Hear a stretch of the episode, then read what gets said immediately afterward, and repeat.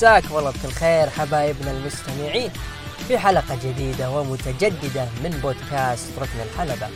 البودكاست الذي ينور مسامعكم أسبوعيا للحديث عن آخر أخبار وعروض عالم المصارعة الحرة. في حلقة هذا الأسبوع الحلقة رقم 102 حط في بالك إذا كان في حرف عطف وبعده رقم اثنين اعرف إنه الشيء يكون جميل جدا ورائع دائما.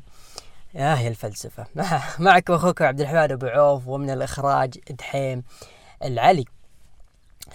آه طبعا أسبوع مليء بالتقلبات أسبوع مليء بالغرائب بالأشياء اللي صارت قبل ال Rumble بعد ال Rumble وأثناء ال Rumble. أشياء كثيرة كانت آه زي ما نقول مشتعلة النقاشات ومشتعلة فيها الآراء في آه ما حدث. طبعا خلف الق... خلف الكواليس قبل ما نسجل كان في نقاش بيني وبين دحيم العلي.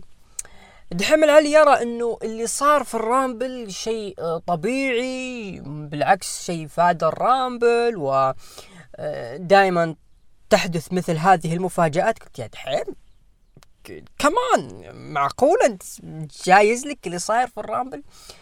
قال إيه إحنا كم مرت علينا نسخ Rumble سيئة نسخ Mania مو, مو زي ما نقول مو الأشياء اللي متأمل منها. عروض كانت طوال السنة بيض وسيئة جدا ومع ذلك في ناس تتابع وفي ناس تتابع بشغف واللي وفوق هذا ال Rumble وال Mania تحقق أرقام فلكية في المشاهدة. قلت له أنا معك يا دحيم في هذه النقطة. موسم ال WrestleMania سواء بداية من ال Royal Rumble إلى ال WrestleMania.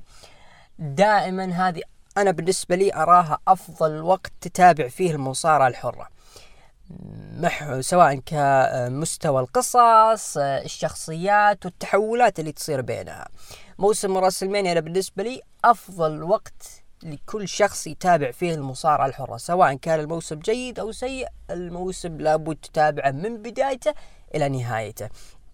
والدليل أنه في عدد من الاتحادات سواء الإنديزية دائما تتصارع لأنها تاخذ أه تسوي مهرجانات كبيرة وعروض أه وتحاول تقدم أفضل ما لديها في موسم الرسلمانيا وفي أسبوع ال WrestleMania بالتحديد لأن هذا لأنها تحاول أن تجذب أنظار الناس لها وتحاول أن تحجز مقعد لها للمشاهدين في موسم ال WrestleMania أفضل موسم في أه مو بس في ال WWE بل في عالم المصارعة الحرة.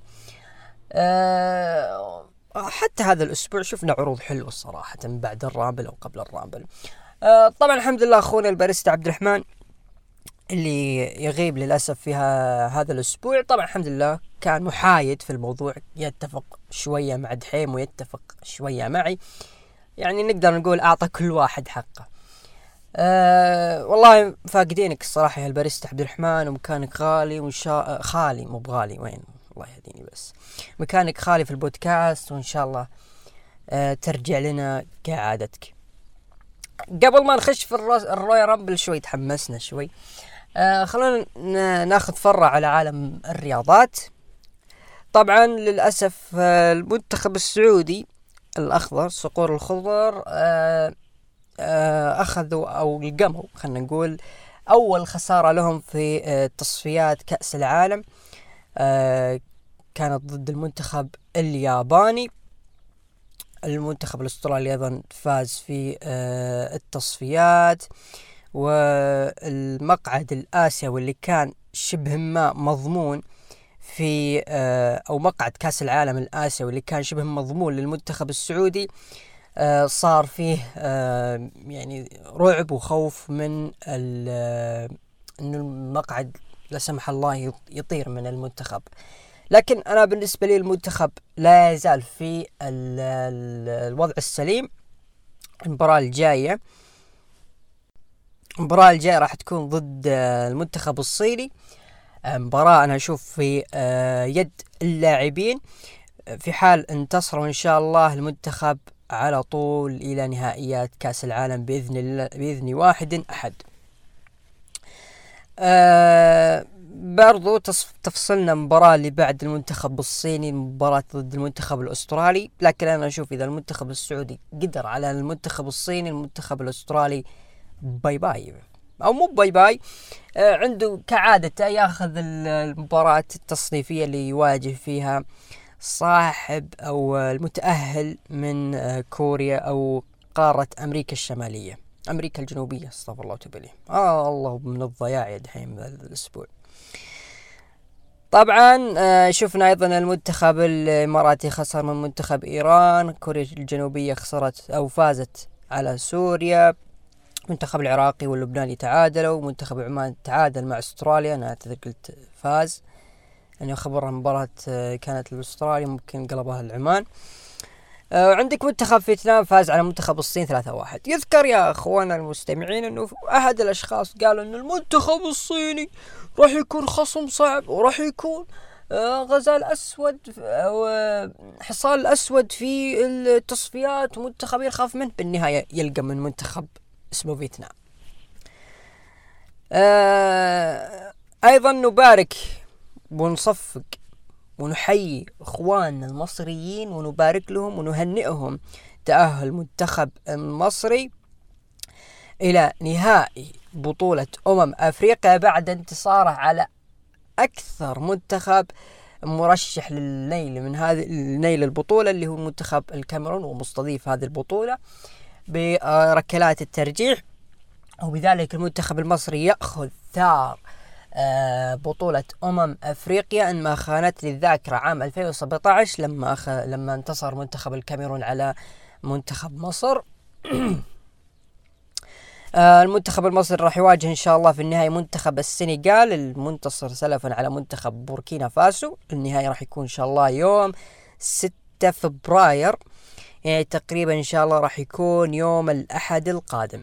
محمد صلاح راح يواجه آه ساديو آه ماني. آه مباراة راح تكون منتظرة أكيد. آه كل التوفيق وكل دعاوينا لشقان المنتخب المصري للفوز بهذه البطولة. موفقين إن شاء الله يا آه جدعان طيب. هذا فيما يخص المنتخبات. طبعا قفل موضوعنا مع الكورة مع أخبار الانتقالات طبعا برشلونة الأسبوع الماضي أو هذا الأسبوع أعلن عن آه، صفقتين. الصفقة الأولى أدم تراوري قادم آه، بصفقة إعارة قادم من نادي وولفرهامبتون. والصفقة الثانية صفقة بير آه، أوباميانغ قادمة من نادي أرسنال في صفقة انتقال حر. آه بالنسبة لي أنا أشوف إنه الانتقالين بصراحة ما لهم داعي. أنا ما أدري الانتقالات الانتقالين هنشوف إنه متأخرين جدا للبرشلونة. من ناحية أوباميانج اللي شبه ما ما هو أوباميانج قبل سنتين لما كان مع أرسنال لما كان بالفورمة لما جاب معهم لقب ال FA Cup و الدرع الخيرية. يعني طاح مستواه كثير غير المشادات اللي كانت تصير مع أرتيتا الفترة الأخيرة زي ما ظهر في أحد التصاريح. قال إنه فعلا أرتيتا دائما هو يعني زي ما نقول بصراحة غريب. يعني يقول إنه دائما يتخذ القرارات بمشورة بغير مشورة اللاعبين. أكيد إنه هو مدرب ما راح يشورك يعني. في نفس الوقت دائما يدخلني في الأوقات الغير آه مهمة لي.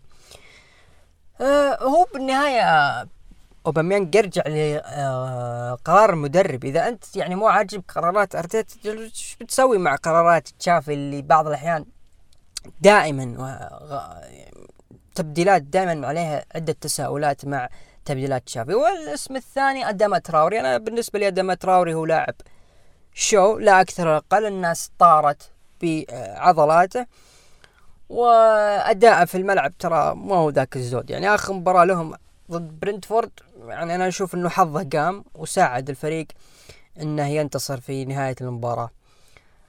أه لكن نتمنى التوفيق للصفقتين ما يندرى. يعني دائما لما يكون في صفقات غير أه زي ما نقول غير والله ما أدري نسيت الكلمة. غير متوقع من نادي برشلونة غالبا إنها تنجح لكن في نفس الوقت فشلها كبير. آه هذا فيما يخص عالم كرة القدم. طبعا أكيد لا, لا حديث يعلو فوق صوت نادال أكثر لاعب تحقيقا للجراند سلام بعد فوزه في بطولة أستراليا. والله ما توقعت أبدا أنه ياخذ البطولة بعد مباراة قوية وصعبة ضد الروسي ميدفيديف. مصنف الثاني في ترتيب العالم في آه، التنس هذا فيما يخص عالم الرياضات. ندخل مباشرة لعالم ال pro wrestling وبداية مع الأخبار. آه، حيث يقول مصدر Fightful يقول إنه من غير الصحيح أن ريدل هو الفائز الأساسي بنزال ال Royal Rumble عام 2022 فينس مكمان حدد بروك ليزنر كالفا كالفائز منذ شهر على أقل تقدير. طبعا راح ناخذ آه الاخبار لأنها شبه ما آه متشابكة مع بعض. عندك مثلا آه باد باني يقول إنه مجدول لليلتين في آه WrestleMania 38 وعاجل ورسميا كرت آنجل يعلن عودته إلى ال WWE خلال الشهر القادم. آه نبدأ مع الخبر الأول حيث بسبب اللي هو يتكلم عن تحديد ريدل كفائز أساسي بال Royal Rumble أنا ما أتفق صراحة مع هذا الخبر ولا حتى يوم قرأت الخبر ما اقتنعت فيه الصراحة لأنه ريدل ما كان مرشح أو كان مجذب بالانتباه أنه آه قد يفوز بال Royal Rumble للأمانة كان في أكثر من شخص أكثر من اسم كانوا يحتاجون هذا ال Rumble بطريقة أو بأخرى علشان يرجعون آه حماس ويرجعون آه ثقة الجماهير فيهم. وكان في حماس كبير من الجماهير إنهم ممكن يفوزون. لكن بروك ليزنر الفوز تم اتخاذه منذ شهر على أقل تقدير ما أعتقد ما أعتقد ما أعتقد. أعتقد إنه تم اختياره في نفس الليلة أو على أقل قبل أسبوعين في الليلة من اللي صار في Royal Rumble. آه باد باني. باد باني المشكلة إنه ال WWE يعني لو نقول مثلا العام الماضي كانت محتاجة أه والله العام, الماضي ما كانت محتاجة الصراحة شخصيات من خارج عالم المصارعة الحرة علشان يرفعون اسم WrestleMania WrestleMania كاسم يكفي أن تجذب أشخاص وملايين المتابعين والمشاهدين لليلتين في ال WrestleMania باد باني أوكي أبدع على الأقل في ال WrestleMania الماضية وأمتع الجماهير في آه، إحدى الليلة لل WrestleMania ولكن إذا كررت الشيء مرتين قد يفقد قيمته كثير. لذلك باد باني بعد الشيء اللي صار في ال Royal Rumble صراحة يخوف يخوف كثير إنه قد تعود ال WWE مجددا لعام 2009 وعام 2010 لما كانت شخصيات من خارج مجال عالم المصارعة الحرة تتسيد العروض بل تنتصر على نجوم كثر. وباد باني يا شباب ترى أقصى مصارعين في ال Royal Rumble. نقطة استفهام يا حمل علي اللي عاجبك الوضع. آه خبر كرت أنجل والله صراحة هذا لما قريت الخبر قلت يا ليت كرت أنجل عاد في ال Royal Rumble ليش؟ آه أوكي كرت آنجل ممكن ما يقدم آه أداء ذاك الأداء المأمول منه في آه Royal Rumble بسبب إنه تقريبا له ثلاث سنوات تقريبا إلى سنتين ما صارع ابدا في أي عرض مصارعة وأعلن أصلا اعتزاله في المصارعة كرت انجل أقرب شخص يحتاجه وأقرب شخص أنا من وجهة نظري آه، ينفع كثير مع كرت انجل اللي هو تشاد جيبل. تشاد جيبل في أكثر من نقطة متشابهة مع كرت انجل مصارع قادم من أو بطل أولمبي. رغم إنه كرت انج أو تشاد جيبل ما أعتقد إنه حقق آه، بطولة أولمبية لكنه آه، يتشارك مع كرت أنجل بهذا الأسلوب أسلوب ال Olympics وقاعدين يقدمون أداء يعني صراحة تشاد جيبل أبهرنا كثير في اللي قاعد يقدمه في العروض الأخيرة من ال WWE خصوصا أنا. أنا دائما أستمتع بهذا النجم. الشيء الثاني النقطة المتشابهة إنه كرت أنجل دائما يتفاخر ويشوف نفسه على الجميع بأنه بطل آه ذهبية أولمبية. نفس الشيء تشاد جيبل يتفاخر أمام المشاهدين بأنه حامل شهادة الماجستير. لذلك كرت آنجل وتشاد جيبل يعني أتمنى صراحة إنه تشاد جي... كرت آنجل ينضم مع تشاد جيبل ويبعدون أوتس ذا اللي ما له أي داعي. وراح يكون والله أنا متأكد إنه راح يسوون تناغم حلو جدا. آه وراح يرفع كثير كثير أسهم. تشاد جيبل ممكن يوصل للل level اللي أنا أتمناه شخصيا اللي هو level ال midcarder ويحاول يعني زي ما نقول يسخن فئة ال midcarder لأن الفئة حاليا ميتة تماما ولا أصلا لها وجود. آه حتى شفنا آخر عرضين من Raw. آه دايمن بريست كان يخرج للعرض بدون لقب. نفس الشيء شينسكي ناكامورا له فترة طويلة يعني محدد إنه راح يواجه سامي زين وإلى الآن لم تتط... لم يتطرق. الموضوع وشينسكي ناكامورا له فترة طويلة ما دافع عن لقب القارات اللي شبه ما ميت تماما الألقاب المتكررة كلها ميتة.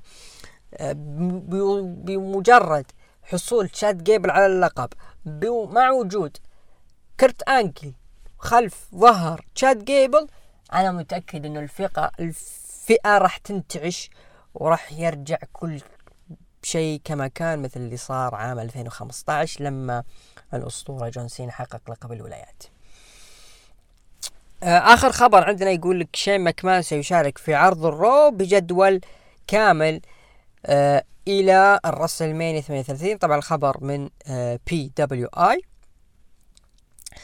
طبعا زي إحنا عارفين آه شين ماكمان آه شبه ما حاليا مسك الباب من ال WWE آه ما أدري إيش الأسباب اللي أدت شين مكمان يمسك الباب. أكيد إنه فيه سوء تفاهم حصل خلف الكواليس.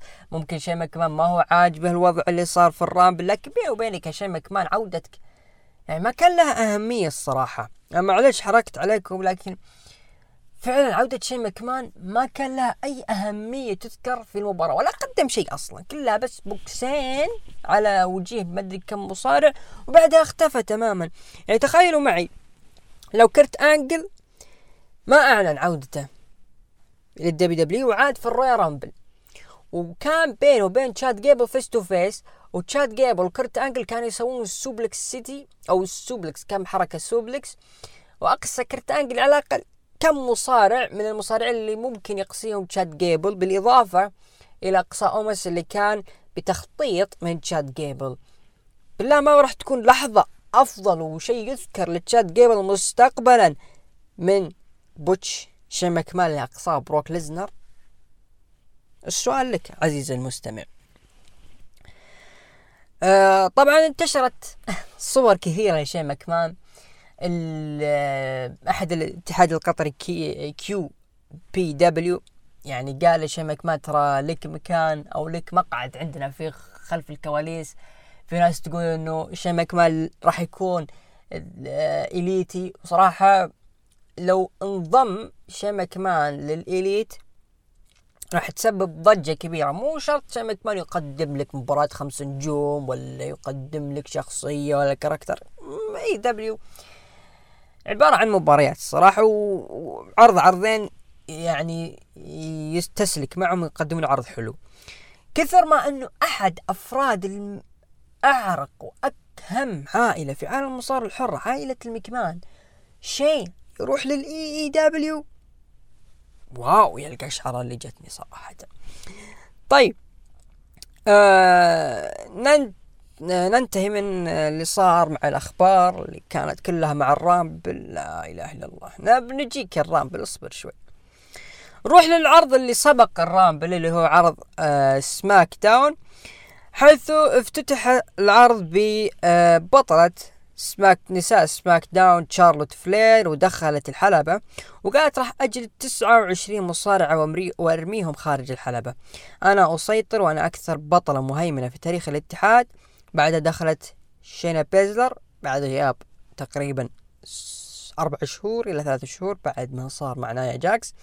وقالت أنا ما أنكر أنك منافسة رائعة لكن بكرة إذا صار بيني وبينك مجددا face to face ما راح أتردد وأحطمك. ودقت موسيقى عالية واعتذرت إن اسمي عالية وأنا متحمسة لأول Rumble ومتوترة إلى آخره. ودقت موسيقى ناتاليا وقالت نفس الشيء ودقت موسيقى شوتزي وقالت تقريبا نفس الشيء وقالت شارلوت أنتم ما عندكم فرص تفوزون بال Rumble ابدا. كثري. لكن دقت موسيقى مين وهنا كانت الصدمة بالنسبة لي. دخلت ال legit boss ساشا بانكس وقالت أنا مستعدة لل Rumble. وضربت شارلوت كف وصار بينهم جالد.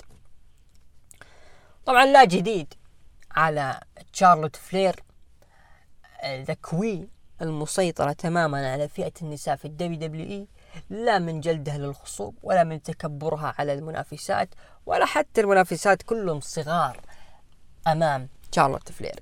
لكن النقطة الغريبة دخول ساشا بانكس وعودتها قبل 24 ساعة من ال Royal Rumble غريب جدا غريب جدا حتى.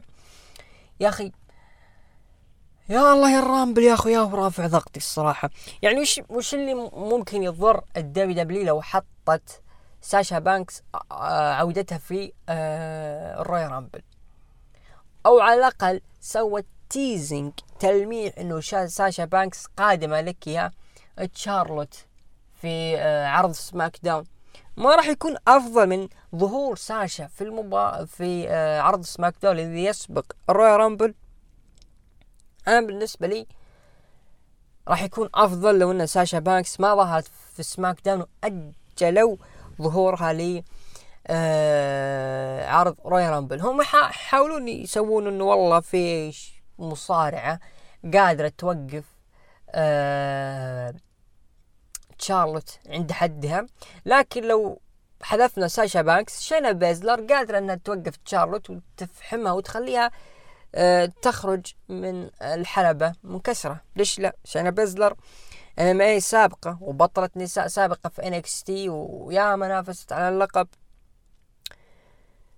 لكن شيء غريب صراحة لكن ساشا بانكس دائما هي دائما عود في فم شارلوت عشان كذا حطوا ساشا بانكس في البداية.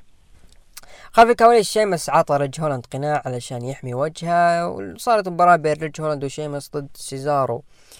وريكوشيه وانتهت المباراة بانتصار فريق شيمس وريج هولاند. طبعا سيزارو ما قصر صراحة في المباراة. يعني قدم كالعادة أداءه الممتع لكن الحلو صراحة أنه ريج هولاند أنهى المباراة علشان يكون له باب كبير ويستاهل ريج هولاند. سونيا ديفل تتكلم مع الحكم آه، حيث أمرت أنه أنه يوقف معها لكن رد عليها الحكم وقال أنا شخص عادل وحكم ما أنحاز لأحد. ما شاء الله على هذا الحكام. نايومي ضد سونيا ديفل انتهت المباراة بانتصار سونيا ديفل. بعد المباراة نايومي انبسطت وطقطقت على سونيا رغم أنها خسرت. وطلعت سونيا وقالت عندي إعلان أنا راح أشارك بال Rumble يا نايومي. مو بس أنت. سامي زين في فقرة استضاف فيها جندر مهال وشانكي وطقطقوا على جوني نوكسفيل. وقال ما أبي أسمع. اسمه لكن دقت موسيقى ريك. بوكس دخل الحلبة مع ناكامورا وجلد سامي زين صارت مباراة فرق ريك بوكس وناكامورا ضد جندر مهال وشانكي وسامي زين كان بطاولة التعليق انتهت المباراة بانتصار فريق بوكس وناكامورا ولا يزال ريك بوكس ياخذ الاضواء من شينسكي ناكامورا وما دام انه شينسكي ناكامورا قاعد يصارع وقاعد يقدم ريك بوكس ويظهر ويرقص أمام الجماهير وسامي زين قاعد في طاولة التعليق هناك بعيد. تشوفونه هناك قاعد سامي زين. سووا مباراتهم على لقب الف... على لقب القارات. خل اللقب يرجع. يا شيخ أقسم بالله مليت من ناكامورا ناكامورا تكفى متى ينتهي عقدك. تكفى. الله يرحم والديك. وبينتهي عقده و... وإذا انتهى أول شخص راح يدعسه ريك ريك بوكس عشان يقال لك واقعية. طبعا كوفي كينغستون وبيج اي لعبوا مباراة ضد هابي كوربن وموس وانتهت المباراة بانتصار فريق بيج اي وكوفي كينغستون. آه، أهم حدث صار في عرض SmackDown دخل آه، بطل Universal the Head of the Table Tribal Chief رومان رينز. دخل الحلبة وكذلك دخل سيث رولينز. وقال يا وقال رومان يا كانساس acknowledge me. ورد سيث قال أنا بعترف بحقيقة. أنا تلاعبت فيك كالأحمق وأبي أشكرك لفعل الصواب وإبعاد عيال عمك. وقال رومان بقول لك شيء. إحنا بعام 2022 وأنت لازلت بالماضي وأنا المسيطر الآن. وقال سيث أنا أعيش لبكرة. والماضي حلو إن نرجع له. كانت لحظات جميلة يوم صرفت حقيبتي وأسرق أول لحظة لك بالمانيا وخطف لقب دبليو بعد ما ثبتك. وتذكر وتذكر يوم أجلدك بالكرسي وغيرت الأمور للأبد وكان هذا الشيء من مصلحة الجميع. وهذا الشيء خلاك ترتفع فوق وكل الأحداث في الرسلمانيا وأنت حققت كل شيء صح؟ وفزت على الجميع وحطمتهم لكن ما فزت علي أبدا. وقال رومان كسر الكرسي بظهري وتفكيك الشيلد حاولت أسامحك لكن ما راح أسامحك باللي سويته فينا وأنا أكرهك. ضحك سيث ثرونز ضحكة المعتادة. آه آه وقال أدري وبكرة بتكرهوني وأنت أضحوكة وعائلتك كلها أضحوكة وكل شيء سويته بيروح لكن رومان رينز دفع سيث وسيث رولنز كالعادة ضحك ها. وحاول رومان رينز ينفذ Superman Punch لكن سيث طقطق عليه وخرج من الحلبة. وكان هذا آخر مشهد ل SmackDown قبل ال Royal Rumble. آه الله. الله على سيث رولنز الله الله على سيث رولنز سيث رولنز يا ناس أعاد ثقة الجماهير فيه مجددا بعد كل اللي صار في شخصية ال Messiah. الله لا يعيدها شبه ما شخصية منسية واللي بيذكرها بيذكر إنه أشياء ماضية صارت في آه، شخصية سيث رولنز والتغيرات الماضية. طيب رومان رينز يقول لا تفكروا في الماضي وفكروا في الحاضر. سيث رولينز الآن بهذه الشخصية. طبعا مشكلة سيث رولينز إنه إذا مسك اللقب رجع رجع تايلر بلاك من البداية. كذا مصارع كأنه جديد على الدنيا. ما أدري ليه سبحان الله مع لقب ال Universal. لكن حاليا سيث رولينز يا ناس في أعلى وقت ممكن تستمتع فيه سيث رولينز. وأنا قلت في تغريدة إنه سيث رولينز هو راندي سافج العصر الحالي. بدون مبالغة النجم هو راندي سافج. آه راندي سافج كان يمتاز بالنبرات الصوت الحلوة. صراحة أنا أحاول أقلده هذه الفترة الأخيرة. وست روز نفس الشيء قاعد يستخدم الضحكات واستفزاز الخصوم بطريقة تمتع المشاهد قبل هو ما يستمتع هو كداخلين ويستمتعون ذول اللي خلف الشاشات مو الجماهير. اللي في الغوريلا منسون. آه جدا جدا رائع حتى شفنا رومان رينز كان يتلعثم كثير. في ناس تقول إنه لا هذا جزء من شخصية رومان رينز قليل الكلام لكن سيث رولينز جالس يطقطق فيه صراحة. وهذا يعني شيء غريب صراحة من رومان رينز إنه جميع العداوات اللي يخوضها تكون من طرف واحد. مثل جون سينا فين بالور The Demon والآن سيث رولينز ال visionary ليش رومان رينز كذا ساكت؟ هل هذا دليل على سيث رومان رينز ما يسوى ابدا بدون بول هيمن؟ maybe طبعا هذه كانت آه، نهاية عرض SmackDown لهذا الأسبوع. نروح لتقييم المستمعين في الهاشتاج. طبعا أعطوا من تسعة لعشرة سبعة وعشرين في المية ومن خمسة إلى ثمانية أعطوه ستين في المية وأقل من خمسة أعطوه ثلاثة عشر في المية.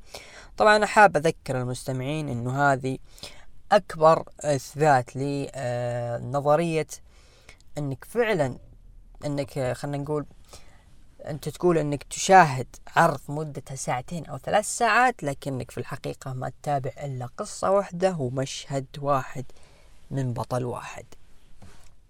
تقييم أبو عوف لعرض سماك داون هذا الأسبوع يعطيه خمسة من عشرة.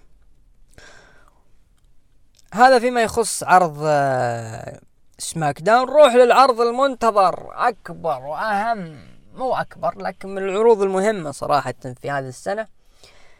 مهرجان Royal Rumble طبعا المهرجانات الكبيرة مثل Rumble و WrestleMania وال SummerSlam وال Survivor Series أحب أنطق كلمة مهرجان لأنها أكبر من وأهم من عرض كلمة عرض شهري. نروح للمهرجان Royal Rumble طبعا افتتح العرض بمباراة لقب ال Universal. رومان رينز دخل كعادته بدون عيال عمه شوفة النفس والمشي البطيئة تروح تصلح لك شاي ولا نسكافيه وتشرب وتيجي لمقعدك من جديد. ورومان رينز لسه ما دخل الحلبة. طبعا رومان رينز ما كان موجودين آه، ال Usos بسبب الشرط اللي صار في SmackDown الأسبوع الماضي. دخل رومان رينز وكان ينتظر سيث فجأة دقت موسيقى ال Shield. Sierra Hotel India Echo Lima Delta Shield سيث رولينز يدخل بأغنية ال Shield. وكانت هذه من اللحظات المفاجئة اللي متعودين عليها في مهرجان ال Royal Rumble. سيث رولينز خطف الأنظار صراحة أكبر نتاج لشخصية ال visionary هي دخول سيث رولينز بال Shield. حماس الجماهير تفاعل الناس سواء كانت في خارج في آه، المتواجدين في العرض أو حتى اللي كانوا يتابعون live أو حتى يتابعون عرض مسجل أكيد كانوا متلهفين للشيء اللي ممكن يقدمه سيث رولينز بعودة قميص ال Shield. سيث رولينز كان ماسك المباراة بالطول وبالعرض كان مقدم أداء رائع. آه سوى spear على سيث رولينز وكان سيث رولينز سوى حركة ال Shield اللي هي ال box هذا. رومان رينز زي ما نقول جاه ارتجاج في المخ ما عرف يفكر فجأة سوى حركة ال submission الخاصة فيه. آه سيث رولينز مسك الحبل لكن رومان رينز رفض يفكه. الحكم 1 2 3 4 5 متفق؟ طيب أنا أوريك يا رومان أعلن الحكم نهاية المباراة بفوز سيث رولينز بال DQ بسبب انه رومان رينز ما فك الاستسلام أو حركة الاخضاع وهذه أنا بالنسبة لي من الأشياء اللي خلت خلتني أنا صراحة أفكر إنه في شيء قادم محبط راح يكون في ال Royal Rumble. الله يسر من هذا الشيء. لما تسوي مباراة وتحاول تضخم منها ويكون أصلا المصارع المستهدف في هذه القصة مبدع وشال كل شيء على ظهره سيث رولينز. وبالنهاية تكافئه بمباراة تنتهي بال DQ هذا شيء غريب صراحة غريب جدا في عروض ال WWE آخر فترة. تقريبا آخر ثلاث ألقاب أو ثلاث مباريات على لقب من ألقاب الدبليو دبليو إي تنتهي بالديكيو والغريب في الأمر أكثر إنه هذه ثاني مرة لا آه مباراة لقب ال Universal تنتهي بال DQ بعد آه سيث رولينز وال Fiend براي وايت في مباراة الهنسل سبحان الله سيث رولينز متواجد في آه مباراة الثانية في ال DQ وكل مباراتين متواجد فيها سيث رولينز رقم سلبي جدا لل WWE إنها تخفف من مصداقية ألقابه والشيء قاعد يصير في عروضها. مباراتين DQ وفي مباراة انت تستفتح عرضك ومهرجانك بشيء مفاجئ جدا. بالنهاية تخسر أو تخسر كل هذا وتهدم. أنا بالنسبة لي اللي فاز رومان رينز ما هو سيث رولنز بالنسبة لي لأنه اللي خرج رومان رينز كان باللقب. ما زلت أفكر هل ممكن ال WWE تسويها وتخلي قانون رسمي في ال WWE إذا انتهت المباراة بال DQ أه هل يعتبر البطل خاسر رسمي باللقب ويكون تم تتويج بطل جديد للقب في ال WWE. ما أدري شبه وارد لكن هذا بالنسبة لي من الأخطاء الغريبة اللي صارت في ال Royal Rumble. لأنه أنسب شخص حاليا ممكن يكسر رومان رينز ويستحق كان سيث رولنز صراحة بالشيء اللي قدمه في ال Royal Rumble كبناء. إذا ما كان رو... سيث رولنز هو اللي راح يكسر هيمنة رومان رينز في آه كلقب بطل لل Universal فأنا أرى القادم هو درو ماكنتاير لكن في الصيف. يعني راح ننتظر إلى الصيف الجاي علشان نشوف رومان رينز أخيرا ينجلد ويخسر لقب ال Universal Championship طبعا نروح للمباراة اللي بعدها كانت مباراة Royal Rumble النسائية. آه طبعا أبرز فيها كان ساشا بانكس دخلت بالرقم واحد. آه يعني اللي صار في في SmackDown. بعدها شفنا عدد من اللحظات. شفنا عودة ميلينيا ميلينا. ميلينا أتمنى قلت اسمها صح. ميلينا. آه طبعا ظهرت برقم اثنين. طبعا ميلينا جاي من NWA شفنا عودة أيضا آه ميشيل ماكول. آه أبرز لحظة شفنا عودة روندا راوزي بعد غياب. تقريبا لسنتين أو ثلاث سنوات. بعد آخر ظهور لها كان في آه WrestleMania. خمسة وثلاثين في ال main event بعد. آه انتهت مباراة ال Royal Rumble النسائية بفوز آه روندا روزي بإقصائها لتشارلوت فلير وبذلك تكون روندا روزي بطلة Royal Rumble النسائية. بالنسبة لي آه أيضا شفنا عودة ال Bella Twins. شفناهم رجعوا وأيضا آه تخانقوا في المباراة وبري بيلا أقصت نيكي. يعني شيء ما له قصة وشيء غريب جدا صار. ما أدري ما أدري إيش ما أحب ال Bella Twins فكونا منهم الله لا يعيدها. آه فوز روندا روزي. بالنسبة لي آه نقطة تحسب ل WWE إذا كانت حابة ترجع روندا روزي من جديد روندا روزي دخ آه صراحة من المصارعات أو حتى المصارعين النادرين اللي يظهر لل WWE وهو في قمة ويغيب ولا زال في القمة وأيضا يظهر مستعد القمة اللي ما تزحزح منها أبدا. لذلك روندا روزي تستحق ال Rumble النسائية ولحظة حلوة صراحة لروندا روزي لأنها فعلا ما هي بحاجة بناء ما هي بحاجة والله تخسر وتدخل على فرص ناس وفرص مصارعات وعلشان بس تقول إنها the baddest woman on the planet. ما تحتاجها. روندا روزي كروندا روزي.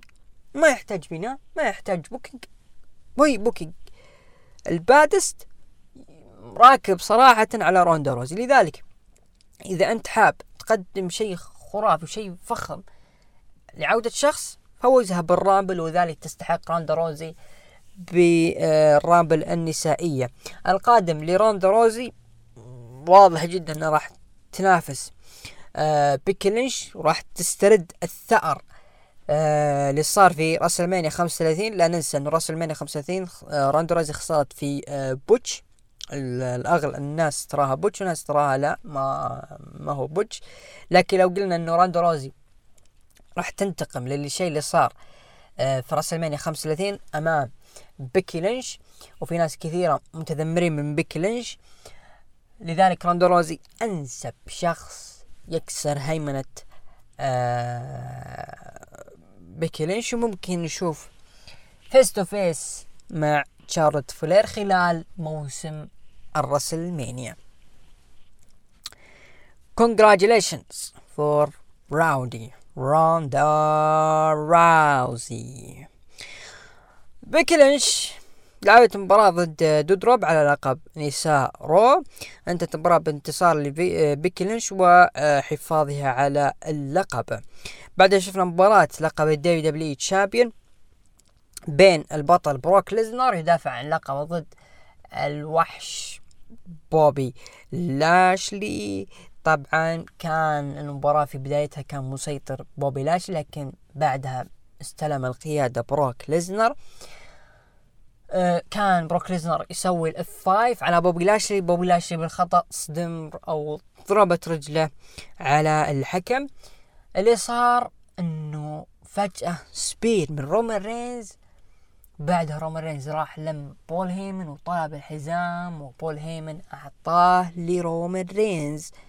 ورومان رينز ضرب الحزام لبروك ليزنر. ليستغل الموقف. بوبي لاشلي.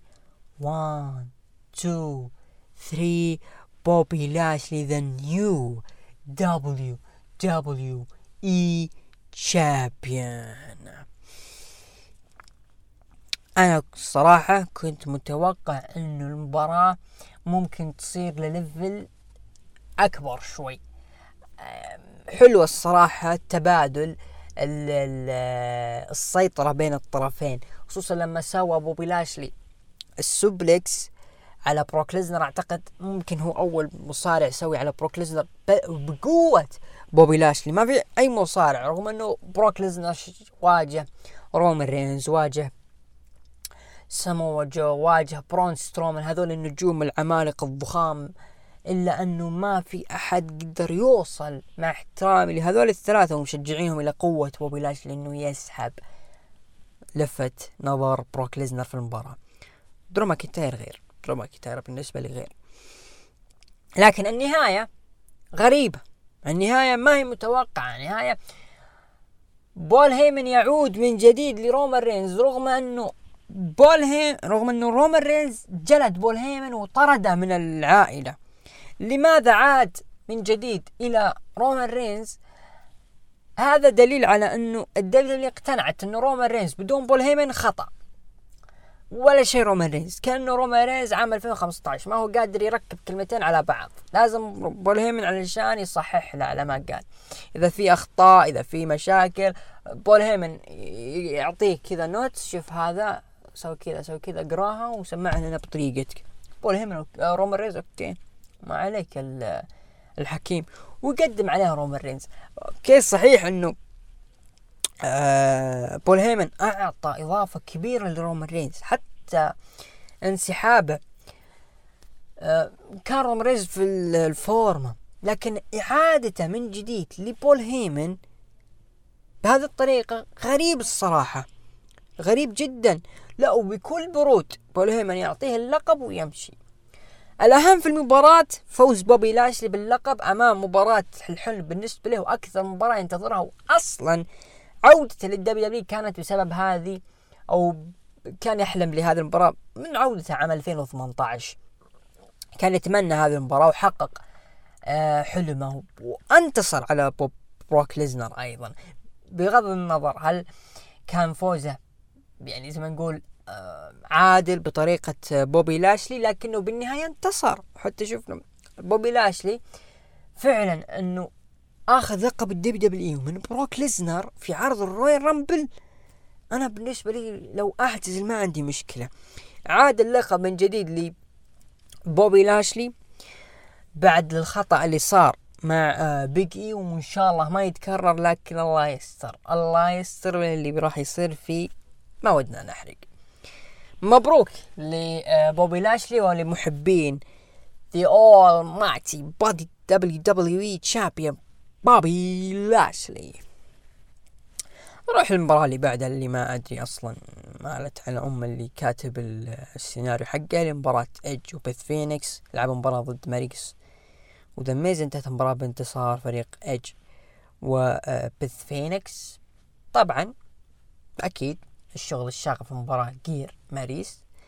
أنا بالنسبة لي هذا اللي صار أو ممكن أختصر المباراة في نقطتين. النقطة الأولى gear ماريس والسبب ليش ماريس ظهرت مع The Miz ودخلت بعداوة مع إيدج وعودة بث فينيكس عشان الشيء هذا اللي صار في الرامبل الشيء الثاني رغم إنه WWE يعني PG لكن ماريس أعوذ بالله من إبليس. الشيء الثاني أعتقد المباراة كانت عائلية أكثر من كونها مباراة wrestling لأنه بعد المباراة شفنا إيدج وبيث فينيكس راحوا لم عيالهم وزي ما نقول حضنوهم وبوسوهم وكل شيء. فواضح إنه المباراة هذه كانت بطلب من إيدج علشان يشوف عياله آه، يشوفونه هو يا أمه يصارعون ضد كابل يعني قد صارعوا أمام عوائل ومع ذلك الله يستر نهايتهم كانت سيئة فالله يهديك يا إج بالشيء اللي سويته إن شاء الله ما تندم. نقول إن شاء الله.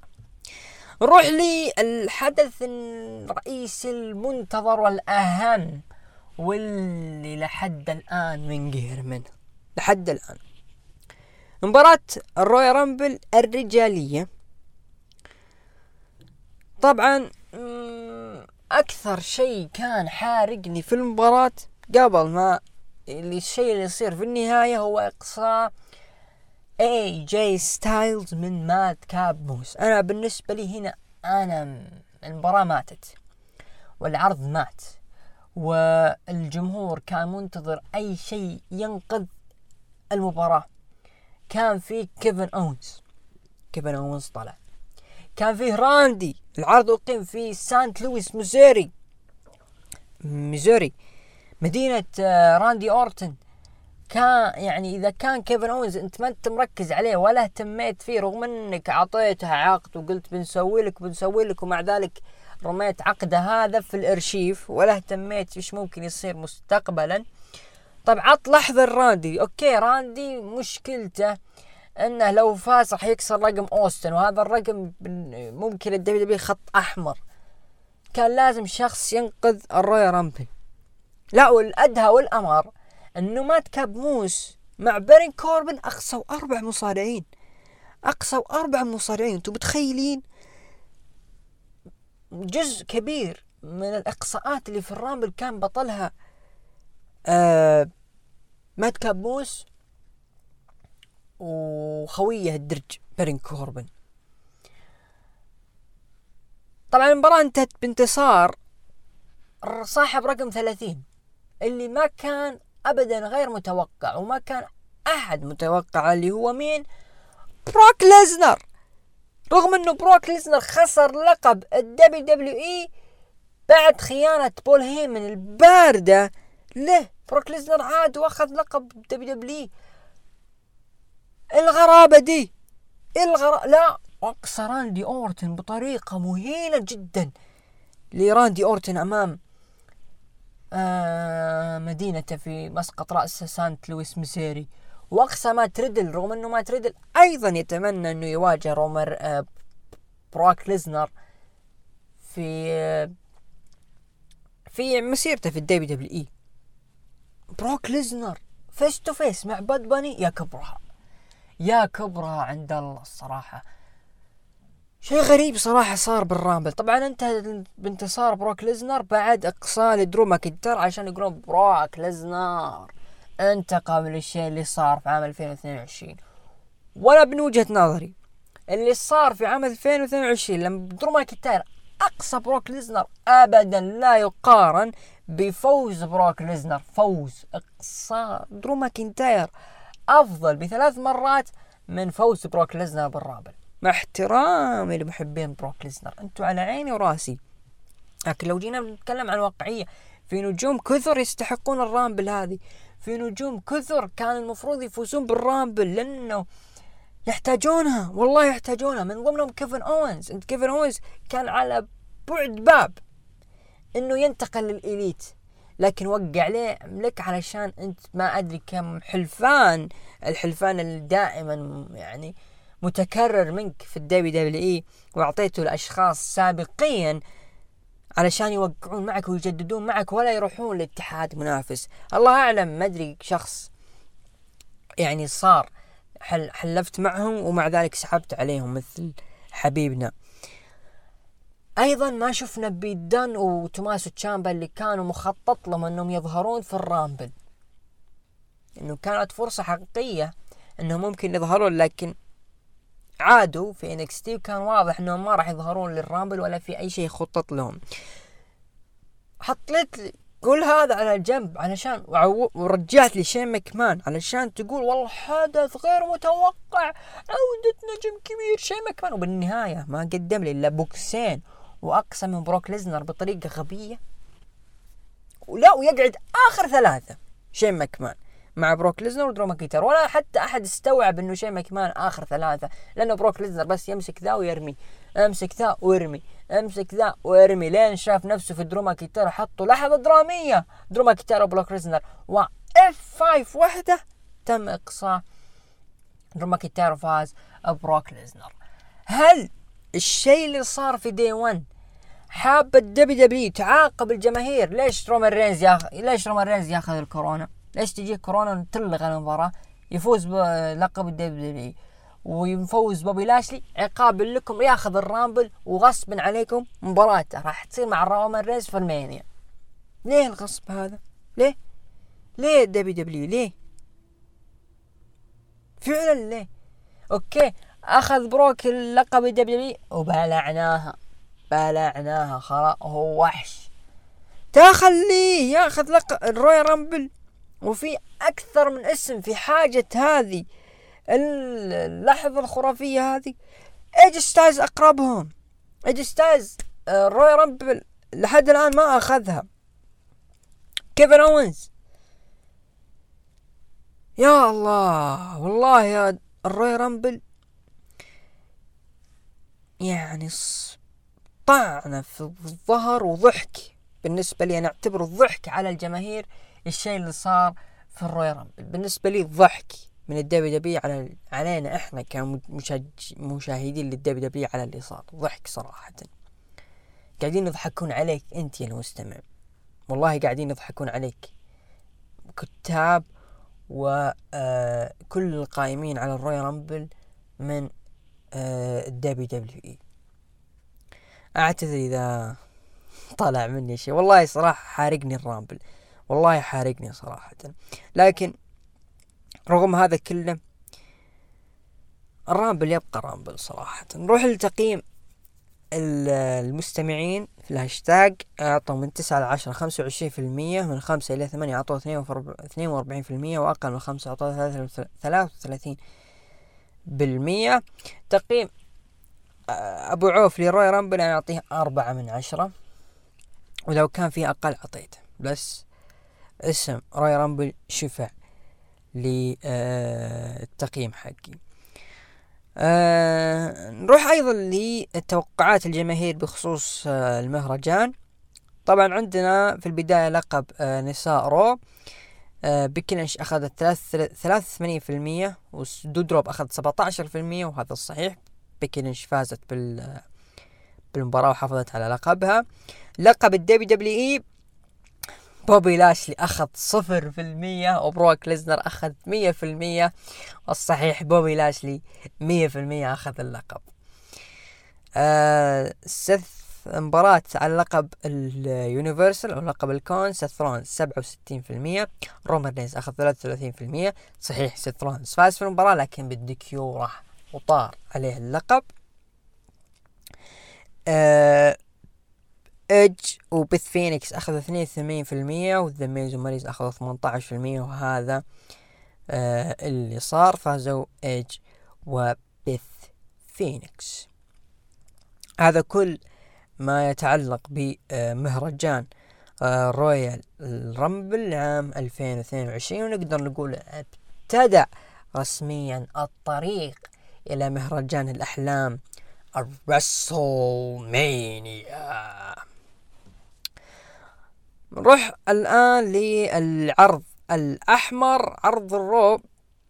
طبعا آه، في شيء نسيناه في عرض SmackDown اللي هي المشاهدات. طبعا بلغت مشاهدات عرض SmackDown هذا الأسبوع مليونين ومئتين ألف مشاهد. نروح العرض ال Raw اللي يقيم في آه، سنسناتي أوهايو مدينة جون موكسلي.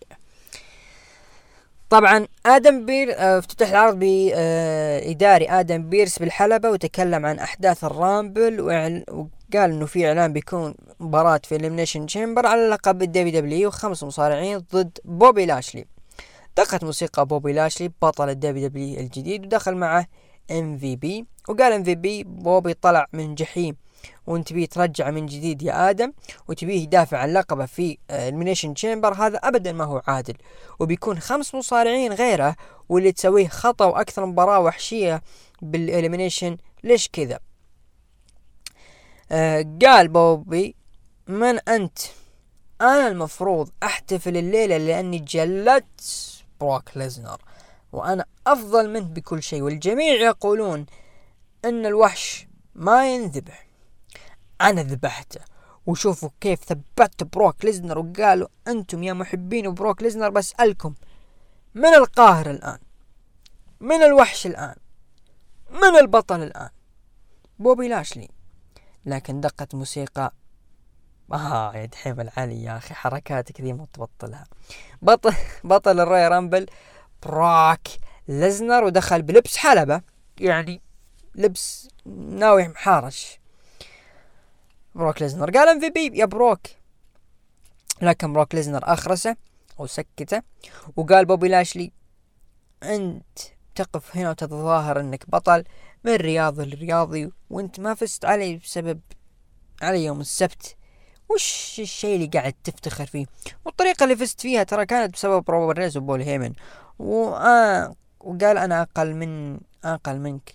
غضبا وكل شيء أوكي وأنا غاضب من رومان رينز وبول هيمن وكانت مباراتنا جيدة وتحياتي لك. وبعدها بروك عاهد نفسه ودخل مباراة ال Rumble وأخبار عاجلة.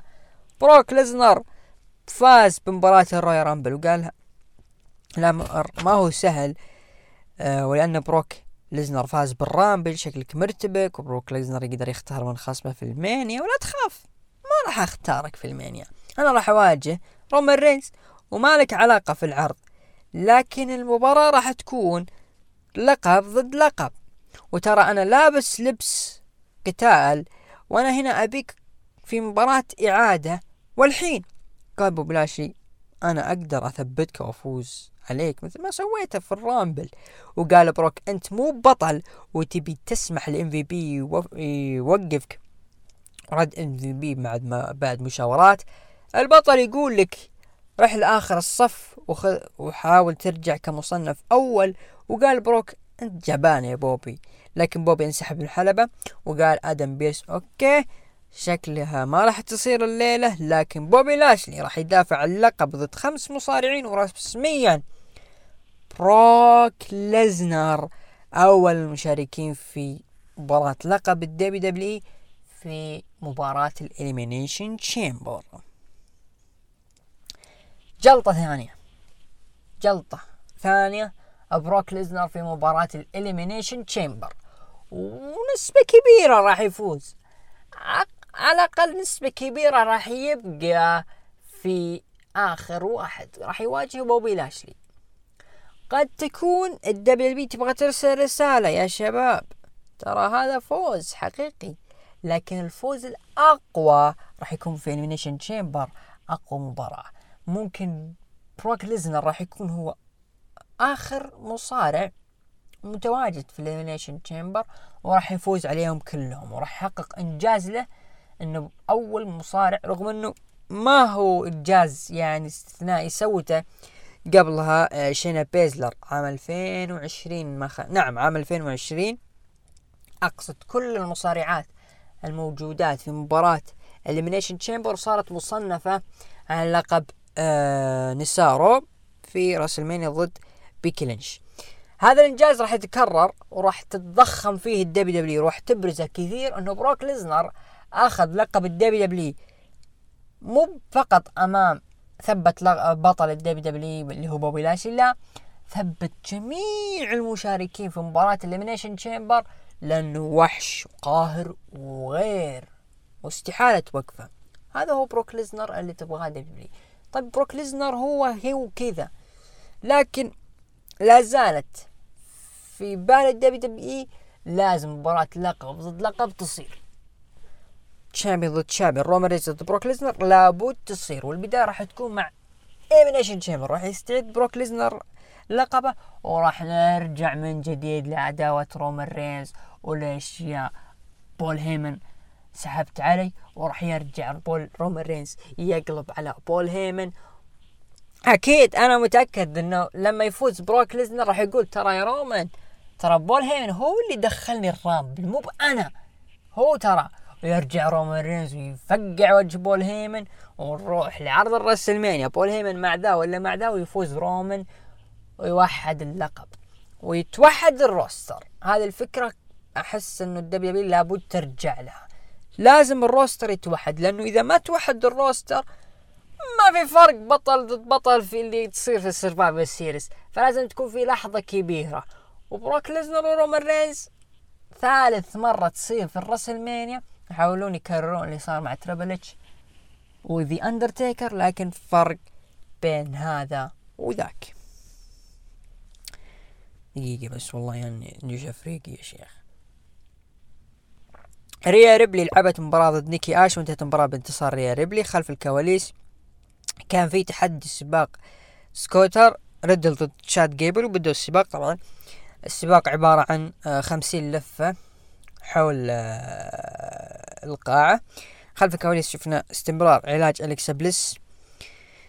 ذا ميز لعب مباراة ضد دومينيك ميستيريو وانتهت المباراة بانتصار. ذا ميز صراحة لفت نظري أداء آه، دومينيك ميستيريو. النجم صار بدأ يتطور أكثر وأكثر. ونهاية السنة إذا دومينيك آه، استمر على هذا التطور أكيد دومينيك راح يكون آه نجم فارق. وال WWE تحاول تخليه مصارع يرث أو قادم من عائلة عريقة اللي هي عائلة الميستيريو. لكن إن شاء الله يكون لدومينيك ميستيريو. آه character خاص فيه يبدع فيه علشان هو صعب يعني يدفن أو يتفوق على ارث ابوه ارث ابوه أكبر بكثير لكن ليش لا؟ إذا هو كان قادر على ذلك. خلف الكواليس شفنا امجاد بين تامينا ودانا بروك وهروب دانا بروك واستمرار سباق مات ريدل وتشات جيبل بالسكوتر كيفن اونز في KO Show. والطريق إلى ال Mania وتكلم عن عرض ال Royal Rumble. واسمعوا هذه الكلمة حنا رسميا وأنا أتفق مع كيفن اونز بطريق اغبى WrestleMania في التاريخ ليلتين مو ليلة واحدة. وما ندري إيش يصير في ال Mania أنا كيفن اونز راح أدخل مباراة قفص الاقصاء بعد ما أجلد أوستن ثيري. لكن الآن ضيفي المفروض يدخل بلقب ال Universal. ودخل سيث رولنز الحلبة. وقال كيفن اونز بنذكرك وش صار في مباراتك في ال Rumble ضد رومان رينز. وقال كيفن اونز اللي سواه رومان معك مقزز وسواها لأن يدري إنك راح تفوز عليه. وقال امرها قد لا تكون بطل رسمي لقب ال Universal لكن أنت بطل بقلبي. وقال سيث وقال سيث يا كيفن شكرا هالشيء يعني لي كثيرا.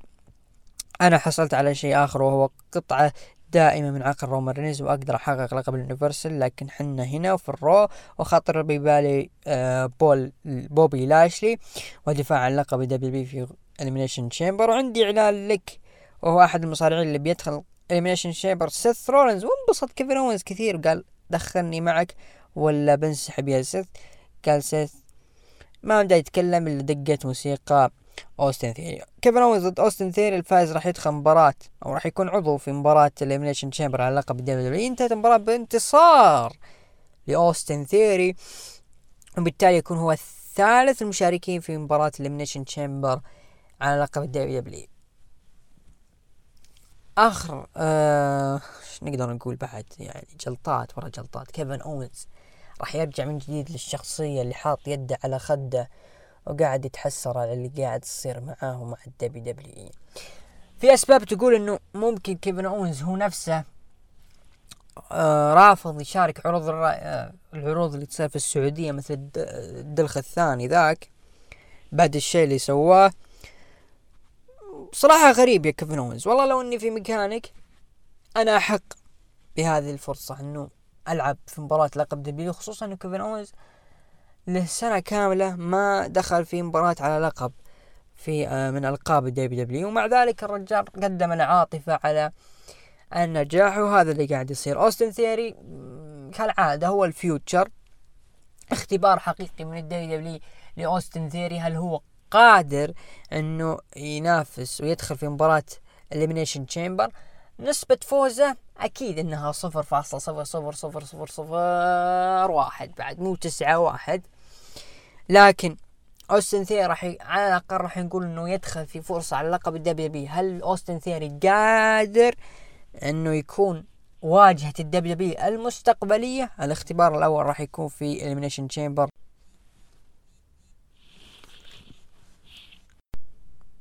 خلف الكواليس شفنا استمرار السباق سكوتر بين ريدل وجيبل. Street Profits دخلوا الحلبة بعدها آه، دخل دولف زيجلر. طبعا صارت مباراة بين دولف زيجلر ضد أنجلو دوكنز وبالمناسبة أنجلو دوكنز يلعب في مدينته سنسناتي أوهايو. انتهت المباراة بانتصار لأنجلو دوكنز. وصل مات ريدل مع تشاد جيبل وكان قريب من الفوز لكن هجوم قوي من اوتس وفاز بالسباق تشاد جيبل. بعدها جيبل آه، قال راح تاخذ مباراتك ضد اوتس وراح انتقامك بفوزي بمباراة ضد اوتس دخل آدم بيرس وقال إعلان لمباراة اوتس وريدل. الفائز منكم راح يتأهل لمباراة ال Elimination Chamber. المباراة انتهت بانتصار لمات ريدل. آه مات ريدل آخذ آه خلينا نقول حلمه مثل بوبي لاشلي راح ينافس بروك ليزنر على لقب ال WWE في مباراة ال Elimination Chamber. آه هناك راح نشوف ال face to face التاريخي اللي يبغاه مات ريدل وأنا يعني صراحة الحظوظ حظوظ يعني قاعد تصير في العروض الفترة الأخيرة. يعني الكوفيد خلى بوبي لاشلي يواجه آه بروك ليزنر. فليش لا؟ إنه فوز بروك ليزنر يخليه يواجه مات ريدل في Elimination Chamber رغم إنه كلهم بيندعسون لبروك ليزنر لكن تحقيق شيء من أحلام المصارعين. في booking آه شيء راح يذكرون المصارعين حتى لو فشلوا كثير. وأكيد راح تجي شو shots كثيرة عليهم بعد مستقبلا كالعادة. بيانكا بيلر لعبت مباراة ضد كارميلا وانتهت المباراة بانتصار لبيانكا بيلر. اي جي ستايلز لعب مباراة ضد ري ميستيريو والفائز راح يدخل مباراة Elimination وانتهت المباراة بانتصار لاي جي ستايلز ويكون هو آخر المنضمين للمباراة وبالنسبة لهذه اللقطة أنقذت العرض من الانهيار. دخول اي جي ستايلز في المباراة وبالتالي اكتمل عداد آه المباراة. سيث رولينز بروك ليزنر اي جي ستايلز مات ريدل اوستن ثيري وبطل WWE بوبي لاشلي صراحة أسماء حلوة أسماء ثقيلة لمباراة لعرض ثقيل بحجم ال Elimination Chamber في جدة سوبر دوم الله يعينك يا بوبي لاشلي الله يعينك. آه في الحدث الرئيسي العرض دخلت بطلة آه أو الفائزة في مباراة ال Rumble النسائية راودي راوندا راوزي. وقالت أنا أفكر. أي لقب بختاره في ال WrestleMania تشارلوت أو بيكي وعندي عمل غير منتهي معهم. ولكن إذا اخترت بيكي بيكون شيء أقل من مستواي أو تشارلوت. لكن أنا أقوى امرأة ودقت موسيقى بيكي لينش وقالت بيكي أنا اشتقت لك وأنت ما تغيرتي لكن تصريحاتك إني أقل منك. أنا الوحيدة اللي هزمتك وترى أنا مستعدة لك لكن اختياري بسرعة لأن قسم النساء ما هو مثير بالنسبة لي وأبي أعرف من خصمي. يلا اختاري من بتكون خصمتك. والناس يبون يعرفون ترى لك راوندا روزي آه رمت بيكي وقالت بتعرفين إجابتي الجمعة في عرض سماك داون. طلعت. وقالت بيكي أنت وقحة وما تبين تواجهيني لكن دقت موسيقى ليتا ودخلت الحلبة وقالت okay أنت غيرتي قسم النساء لكن إذا أنت بطلة مقاتلة ولا تحسبين تنح... تنسحبين من شيء وقالت ليتا أنا أفكر أنا وانت في ال Elimination Chamber قالت بيكي لا وردت ليتا أها انت ما تنسحبين عن تحدي وهذا تحدي.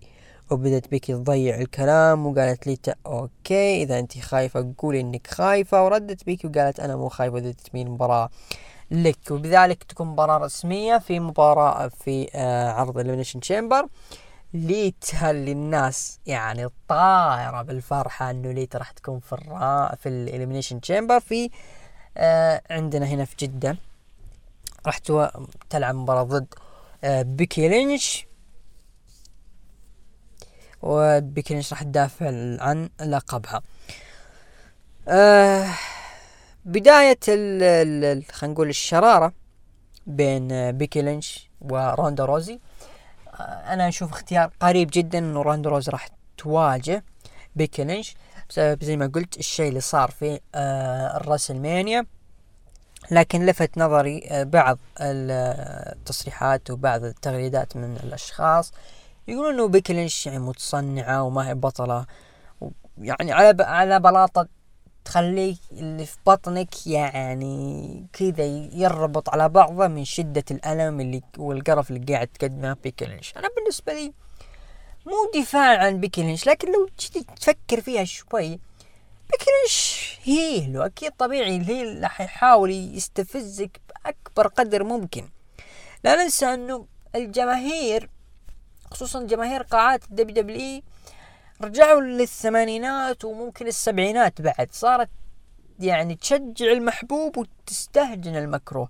بغض النظر هل هو يستحق ال booking اللي قاعد يقدمه هل الشيء اللي قاعد يقدمه حلو ولا لا لكن محبوب نحبه ومكروه نكرهه. لذلك خلينا نمشي على هذا المنوال. انه بيكي لينش مكروهة. أنا لست محب لبيكي لينش ولست مكروه ولست أكره سواء روندا روزي أو ليتا أو أي شخص لكن خلنا نمشي مع ال mood نحاول نمشي مع ال mood ونجلدهم. في نفس الوقت نجلدهم. شو نسوي؟ هذه اي يا عزيزي. آه، دخول ليتا مع بيكي لينش صراحة غريب بالنسبة لي لأنه كان في خط أنه بيكا راح تكون بيكا. حلوة بيكا. ليتا راح تروح مع تشارلوت. وأنا بالنسبة لي هذه مباريات ال dream match بالنسبة لي لأنه أكيد راح يكون في نزاع قوي أكثر بكثير من بيكي لينش وليتا لكن لو قلنا إنه يحاولون ال W يعبون ال card Elimination Chamber رغم إنه كان بتقدر تعبي ال card بمباراة سامي زين وناكامورا لكن إحنا عارفين سامي زين أيضا الدلخ ما يبغي عروض السعودية فهم مضطرين إنهم يحطون بيكي لينش مع ليتا سواء ال booking راح يساعد ولا لا. هل ممكن نشوف تدخل شارلوت على ليتا تحاول تفوز بيكي لينش أنا بالنسبة لي هذا اللي أنا متوقعه لأنه لازم هنا أنا متأكد إنه على الورق في مباراة شارلوت ضد ليتا على لقب SmackDown في WrestleMania في الليلة الأولى بعد. لكن إيش ممكن؟ لا مو في الليلة الأولى نقول الليلة الثانية. الليلة الأولى راح تتصدرها روندا روزي والليلة الثانية راح يتصدرها بروك ليزنر. لكن إيش اللي ممكن يصير؟ أنا هذا اللي أتوقع. بيكي لينش راح تفوز على اللقب بعد خلينا نقول اعتراض من شارلوت وتبدأ عاد النزاع بين ليتا وتشارلوت إلين WrestleMania. هذا أنا توقعي الشخصي. لعرض Raw هذا الأسبوع مستقبل عرض Raw في مهرجان أو عرض Elimination Chamber كثرت كلمة مهرجان صح ولا لا يا شباب؟ يستاهل. Elimination Chamber ما هو عرض عادي.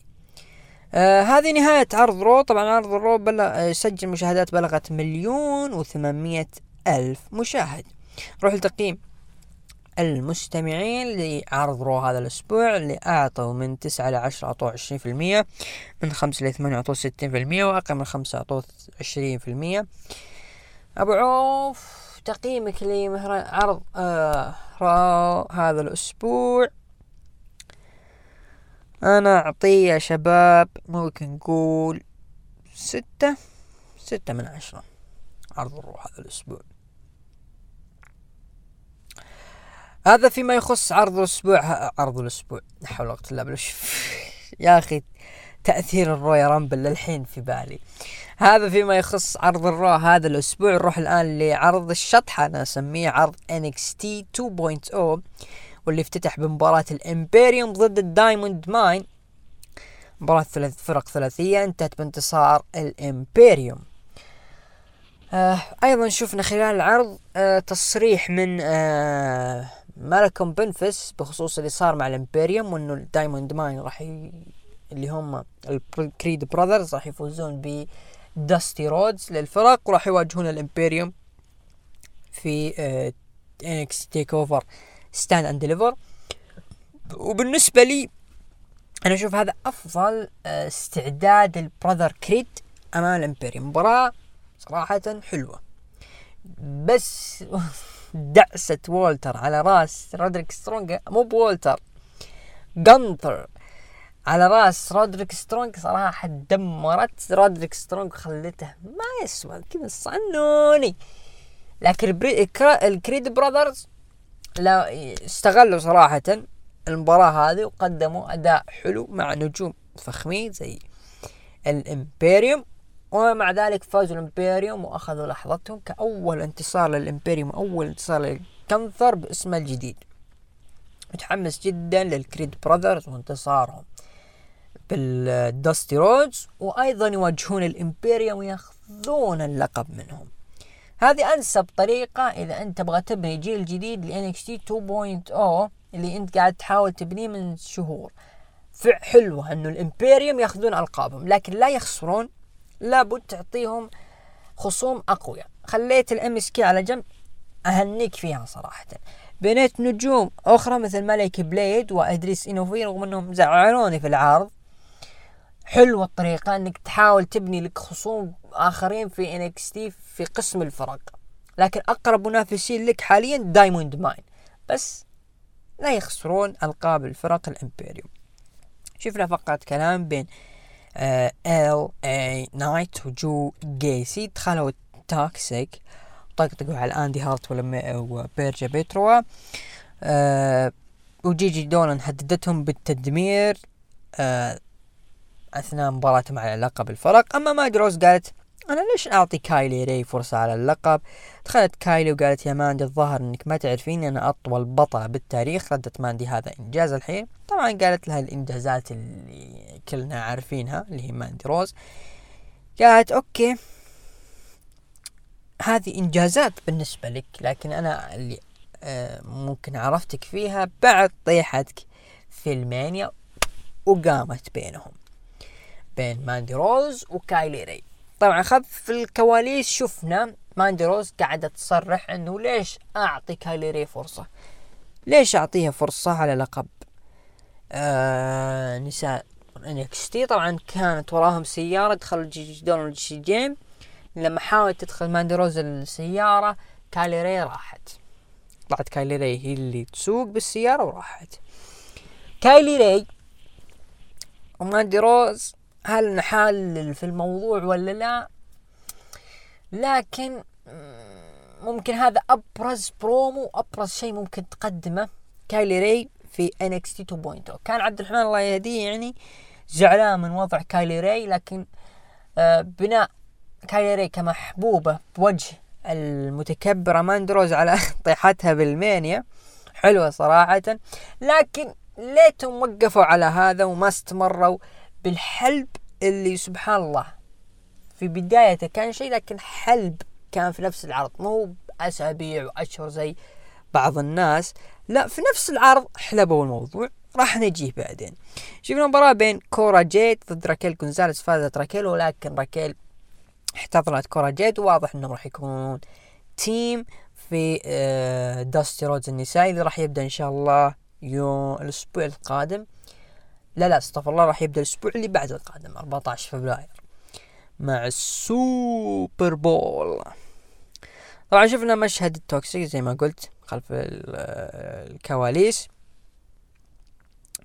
آه بيت دن شفنا video package للعائد بيت دن وصراحة كان video package مفاجئ وأعلن عودته من جديد لإنهاء الشيء اللي يصير بينه وبين توني دي أنجلو يعني واضح إنه ما دام ما راح يظهر بيت دن في العروض الرئيسية وإذا ظهر ما راح يكون له أي دور ومو خايفين إنه إحنا آه نفسخ عقده وتونا مجددين معه لابد نرجع ال NXT وليش لا؟ يرجع آه الشيء الجميل اللي افتقدناه من بيت دن مباراة سراي شهدت عودة مباراتها ضد jobber انتهت المباراة بانتصار سراي شفنا بعدها برومو بين كارميلو هايز وتريك ويليامز كانوا يقولون إنه كاميرون جرايمز فاز على توني وصار مصنف على الأول وهذا كله كان بالغش. هذا مثل اللي يلعب بالبوكر ويفوز ولا يعرف كيف فاز. طبعا دخل كاميرون جرايمز قال أنتم عبارة عن أشياء غريبة دخلت المصارعة ولا وصار عندها لقب أيضا في أماكن أنتم راح تكونون أفضل. من اللي يعني أنتم موجودين فيه. رد تريك ويليامز. لكن سأله كاميرون قال هل أنا اللي راح أقاتلك؟ رد كارميلو أو ميلو ترى كلنا ورا احد وراح أدفع ثمن تصريحك آه غالي. حلو حلو صراحة تريك ويليامز وثنائيته مع كارميلو هايز صراحة في تناغم حلو بين الطرفين.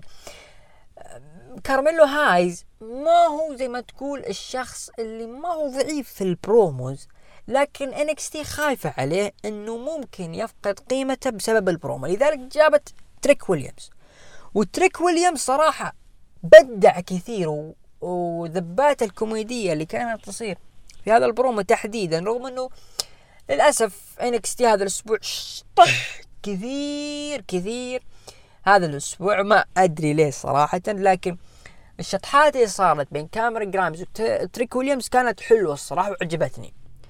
وضحكت أيضا من ذبات تريك ويليامز وكان يجيب طاري البوكر بعد الشيء اللي صار مع كاميرون جرايمز ودوك هدسون حلو صراحة استطراد آه، تريك ويليامز اللي صار مع كاميرون جرايمز هذا صحيح أكبر مثال على لما تبني شيء وتكون في بداياته وتكون حبة حبة حبة حبة لين يوصل لطبخة جاهزة وتقدمها للمشاهد.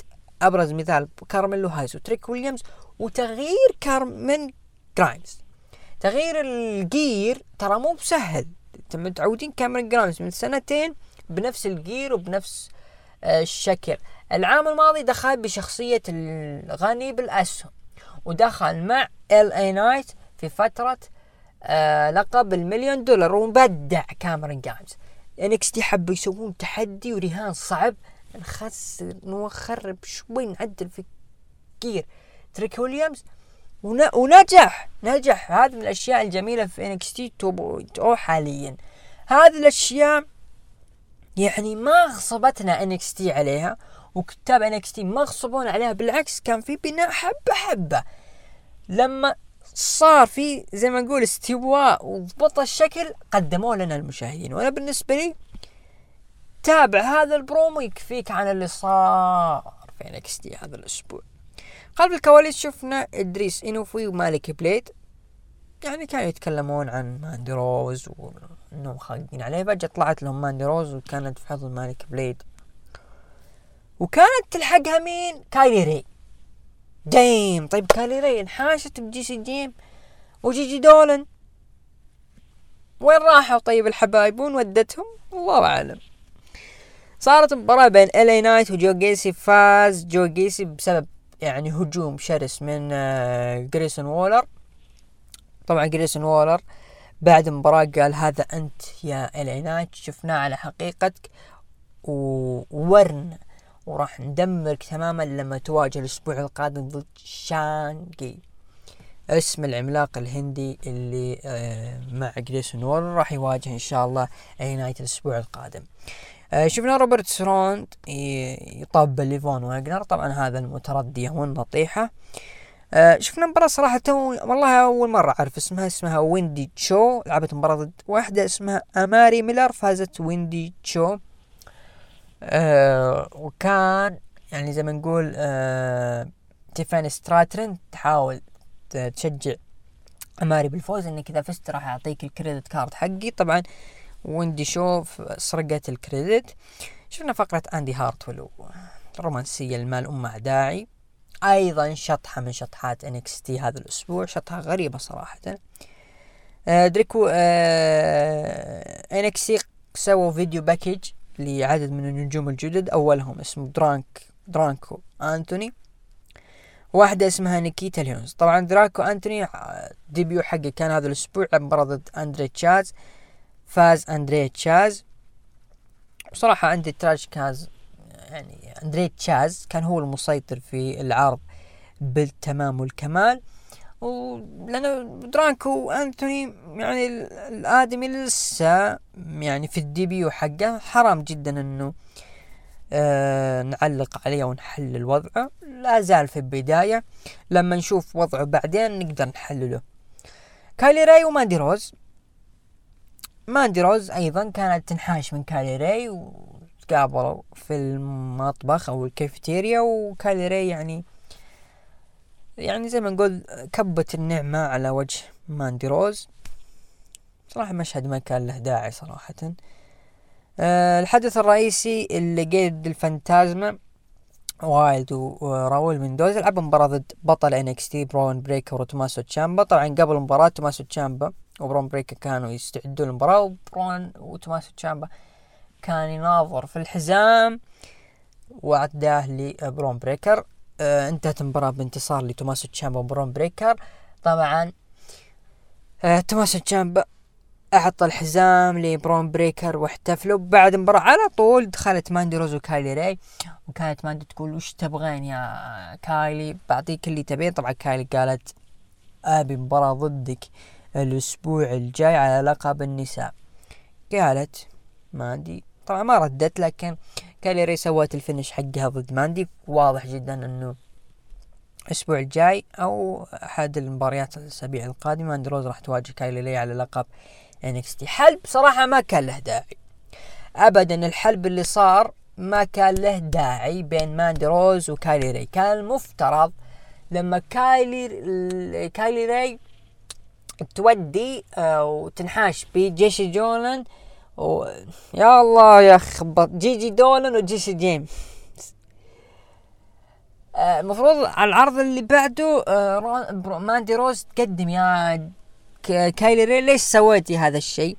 وراح أقدم كل اللي تبغينه علشان رجعي لي هذول الحبايب. هذول الحبايب عندهم مباراة على لقب NXT. لو ما نافسوا يعتبرون خاسرات ممكن يخسرون اليمين الهاندي هارت ولو بيرجع بيتروا هنا تقول كاريلاي راح أرجع واحدة وبيكي تقبلين مباراة على لقب نساء انكستي في عرض انكستي فينجنس اللي أعلنوه في العرض. هنا ممكن أنا أتقبل لكن من بداية العرض كايلي رين حاشت بالحبايب جيسي جيمس وجيجي دولن وفجأة في منتصف العرض نشوف كايلي ري موجودة في العرض وتدمر ماندي روز حلب للقصة حلب تعرف معنى حلب يا عزيزي المستمع؟ حلب للقصة مرة. نروح لل main event اللي قيدو صراحة بطل المباراة أنا أشوف راؤول ميندوزا بدع بشكل مو طبيعي في المباراة وكان أحد العلامات الفارقة. طبعا شفنا اللقطة من توماسو تشامبا تمثل فعلا الشيء الغريب جدا اللي صار في NXT. شيء غريب ما تعودنا من NXT. آه كان آه فينس ماكمان يحاول زي ما تقول إنه آه يلمح إنه NXT راح يكون فيه عروض plus 18 وراح نسوي مثل attitude era وإلى آخره. أنا ما كنت متقبل هذه الفكرة لأن هذه زي ما تقول جذب رخيص للمنتج ومنتجك أصلا كان جديد وما هو جاهز إنك تقدم عروض زي هذه. لكن فجأة سووها ولو يعني خففنا من عروض ماندي روز وكايلي ري واللي كان ما لها داعي صراحة وقدمنا مباراة داستي رودز الفرق صراحة راح تكون علامة فارقة في العرض. لذلك العرض هذا الأسبوع كان عرض شاطح بكل ما تعنيه الكلمة. عرض غريب. عرض غريب صراحة أنا أشوف NXT هذا الأسبوع. نروح لتقييم المستمعين. أعطوا من تسعة لعشرة تسعة في المية ومن خمسة لثمانية أعطوه خمسة وخمسين في المية وأقل من خمسة أعطوه ستة وثلاثين في المية. بدحم يقول عرض NXT هذا الأسبوع ستة من عشرة. NXT 2.0 طبعا لكن بالنسبة لي عرض NXT لا زال يتطور لا زال يتطور. لكن تطوره هذا الأسبوع زي ما نقول مسك العرض فرامل. يعني الأسبوع القادم عرض راح يكون منتظر لأنه راح يكون في مباراة لقب آه، مباراة نصف نهائي داستي رودز. لازلت متلهف لها. مالك بليد وإدريس إنوفي ضد MSK لكن أنا خايف إنه مالك بليد وإدريس إنوفي يدخلون مع ماندي روز وتصير مشاكل واللخبطة هذه. أيضا عندك الام ماي Diamond Mine راح يلعبون ضد Grizzled Young Veterans عرض منتظر LA Knight راح يلعب مع آه، شانغاي زي كذا. سانجا اسم المصارع اللي مع جريسون وولر لذلك عرض NXT الأسبوع القادم راح يكون منتظر بشكل كبير جدا. نروح للعرض الأكثر انتظارا من NXT هذا الأسبوع اللي هو عرض AEW Dynamite طبعا اقيم العرض في شيكاغو إلينوي. أفتتح العرض بمباراة لجون موكسلي. ضد يوتا فاز جون موكسلي فجأة ظهر دانيال براين أو دانيال براين طيب براين أو براين دانيلسون ظهر فجأة في الحلبة. طبعا براين دانيلسون لفترة غايب من بعد مباراتهم اللي صارت على لقب AEW وسأل الجماهير قال تبون مباراة ضد جون موكسلي أنا من فترة أبغى هذه المباراة وأنا أعرفك جيدا. والأفضل من ذلك كله أنه نكون مع بعض ونعيدك للقب AEW ليش كابوي ياخذ اللقب؟ ليش واحد كأنه ديناصور ياخذ اللقب؟ لا! واحد كله على بعض عبارة عن ساق ياخذ لقب TNT فكر ورد لي بعدين. والله يا شباب فكرة براين دانيلسون وجون موكسلي كانت مفاجئة صراحة. ما أنا متأكد أيضا AEW حب يدخل مع آه، موسم ال Rumble وحب يسوي حاجة مفاجئة ظهور براين دانيلسون بغير أغنيته وبغير حماس الجماهير فجأة في الشاشة براين دانيلسون مشصب كذا في الحلبة ما أدري تعرفون إيش معنى مشصب ولا لا. كذا وقاعد يطبل جون موكسلي تطبيل مو طبيعي. فكرة إنهم يكونون team بصراحة لفتت نظري. كأنهم يحاولون يجارون الشيء اللي قاعد يصير في WWE خايفين على جون موكسلي لازم جون موكسلي يسوي شيء فارق في AEW بعد عودته. مباراة مع يوتا okay قاعد يجلد جون موكسلي طيب ما بعد الجلد بس كذا مباراة وصلى الله وبارك. لا لابد الدخل مع براين دانيلسون أحد أسباب نجاح عروض AEW الأخيرة هو براين دانيلسون. لابد نرجع وننجح عودة جون موكسلي تكون عدو عودة فارقة بشكل كبير. آه، براين دانيلسون الحل وأنا أتفق صراحة. براين دانيلسون في أي خطوة يخطوها في AEW نجاحه لحد الآن ما في خطوة فاشلة ما شاء الله تبارك الله. لا مع كيني اوميجا ولا مع آه، هانجمان آدم بيج شوفهم.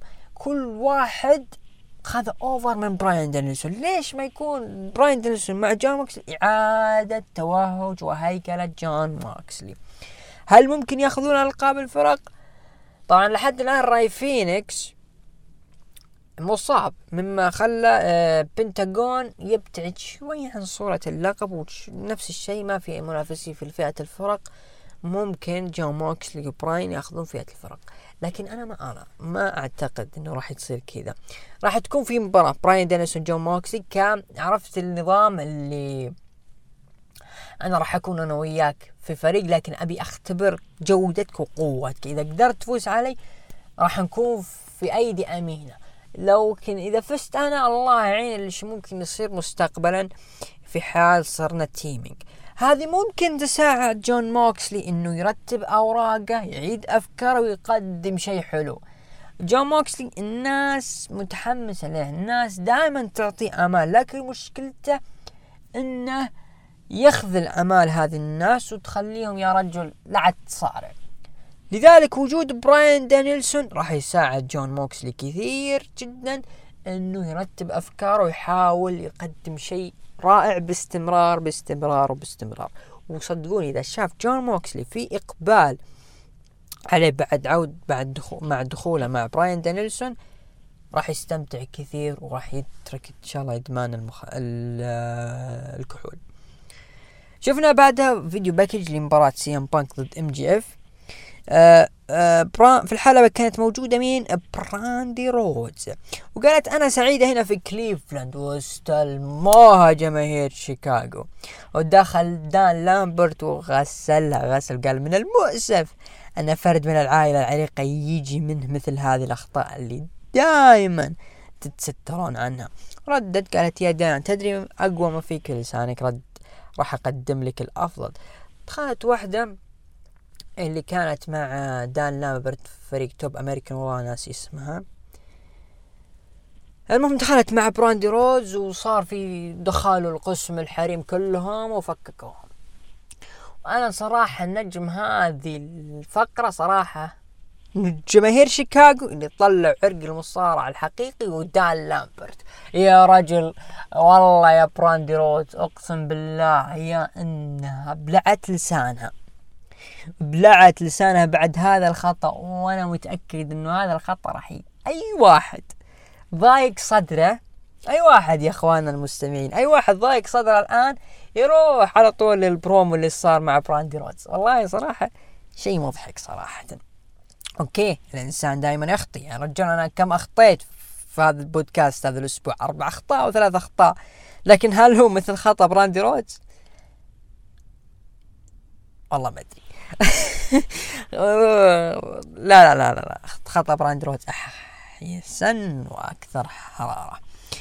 مات هاردي قدم خصم أو خصم للقب TNT إن شاء الله في العرض رامبيج شفنا مباراة فرق بين ملكاي بلاك وبرودي كينج اللي هم هاوس أوف بلاك. لعب مباراة ضد بنتا إل زيرو ميدو وباك وانتهت المباراة بانتصار ملكاي بلاك وبرودي كينج. أه مباراة جيدة صراحة مالكاي وبرودي كينج وجود باك لحد الآن مسكين باك جدا مظلوم في AEW شفنا مباراة بين نايلا روز ضد روبي سو انتهت المباراة بانتصار نايلا روز.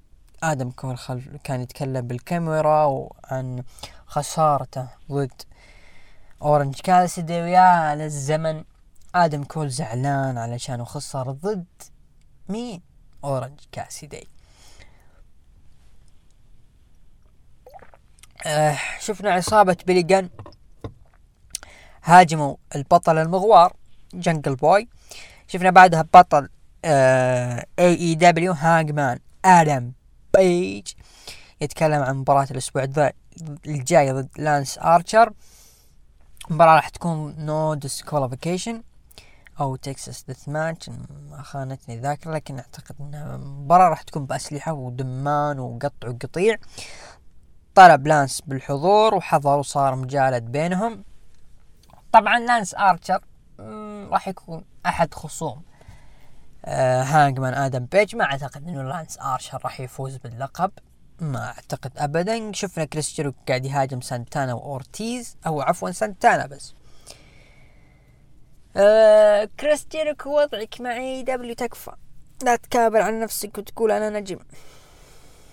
صرت تهاجم أعضاء عصابة الإنر سيركل. نروح لل main event المنتظر. أكثر مباراة أحلام فعلا مباراة أحلام صارت. سي ام بانك في شيكاغو إلينوي لعب مباراة ضد الروعة. ام جي اف لعبوا مباراة تقريبا استمرت حوالي 40 دقيقة. طبعا المرة الأولى فاز ام جي اف بعد ما إنه سوى حركة إخضاع الحكم عد ثلاث مرات في يد سي ام بانك. انهى المباراة لكن الحكم شاف إنه في حبل أو خيط في آه سي ام بانك. أعلن المباراة راح تستكمل. وكمل المباراة وانتصر ماكسويل جيكوب فريدمان ام جي اف وبالتالي سي ام بانك يسجل أول خسارة له بعد عودته لعالم المصارعة الحرة. وين؟ في شيكاغو. تحدي كان صعب أنا أشوفه في الاي دبليو قبل ما نناقش في موضوع المباراة. لأنهم كانوا يحاولون يبنون سي ام بانك إنه نجم آه ما يخسر نجم هو نفسه قبل سبع سنوات اللياقة والأداء وكل شيء سي ام بانك هو نفسه اللي كان قبل سنة سبع سنوات في مكان ما هو نفسه سي ام بانك في اي دبليو ما في شيء تغير. بعض الأشياء لكنها ما هي مهمة.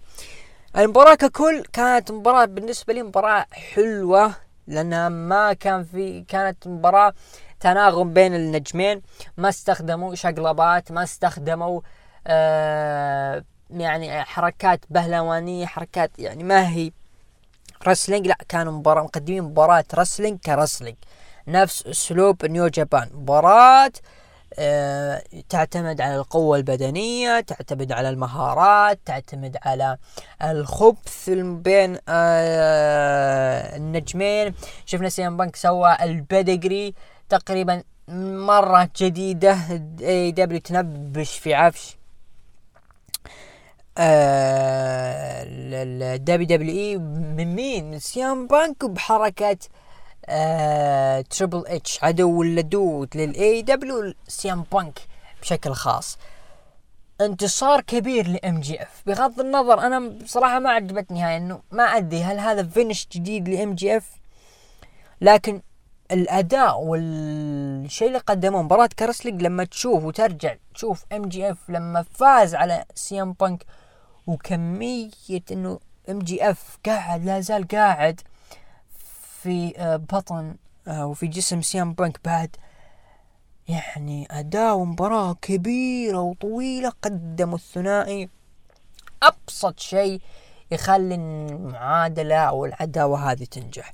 بعد عداوة نارية تقريبا من شهر بناء. فيه يعني قدموا بروموهات أكثر من المباريات اللي تصير سي ام بانك ضد وردلو أو سي ام بانك ضد شون سبيرز. لكن البروموهات اللي بينهم هذا يقدم برومو يجلد الثاني وهذا الثاني يقدم ما هو أفضل من ما آه، اللي قدمه. خصمه وقدموا لنا مباراة كل واحد فعلا حسسوا لك انهم داخلين معركة يا شخص يفوز آه، وينتصر أو شخص يموت ويندثر. انتصار جدا كبير وجدا مهم لام جي اف في مسيرته في الإليت.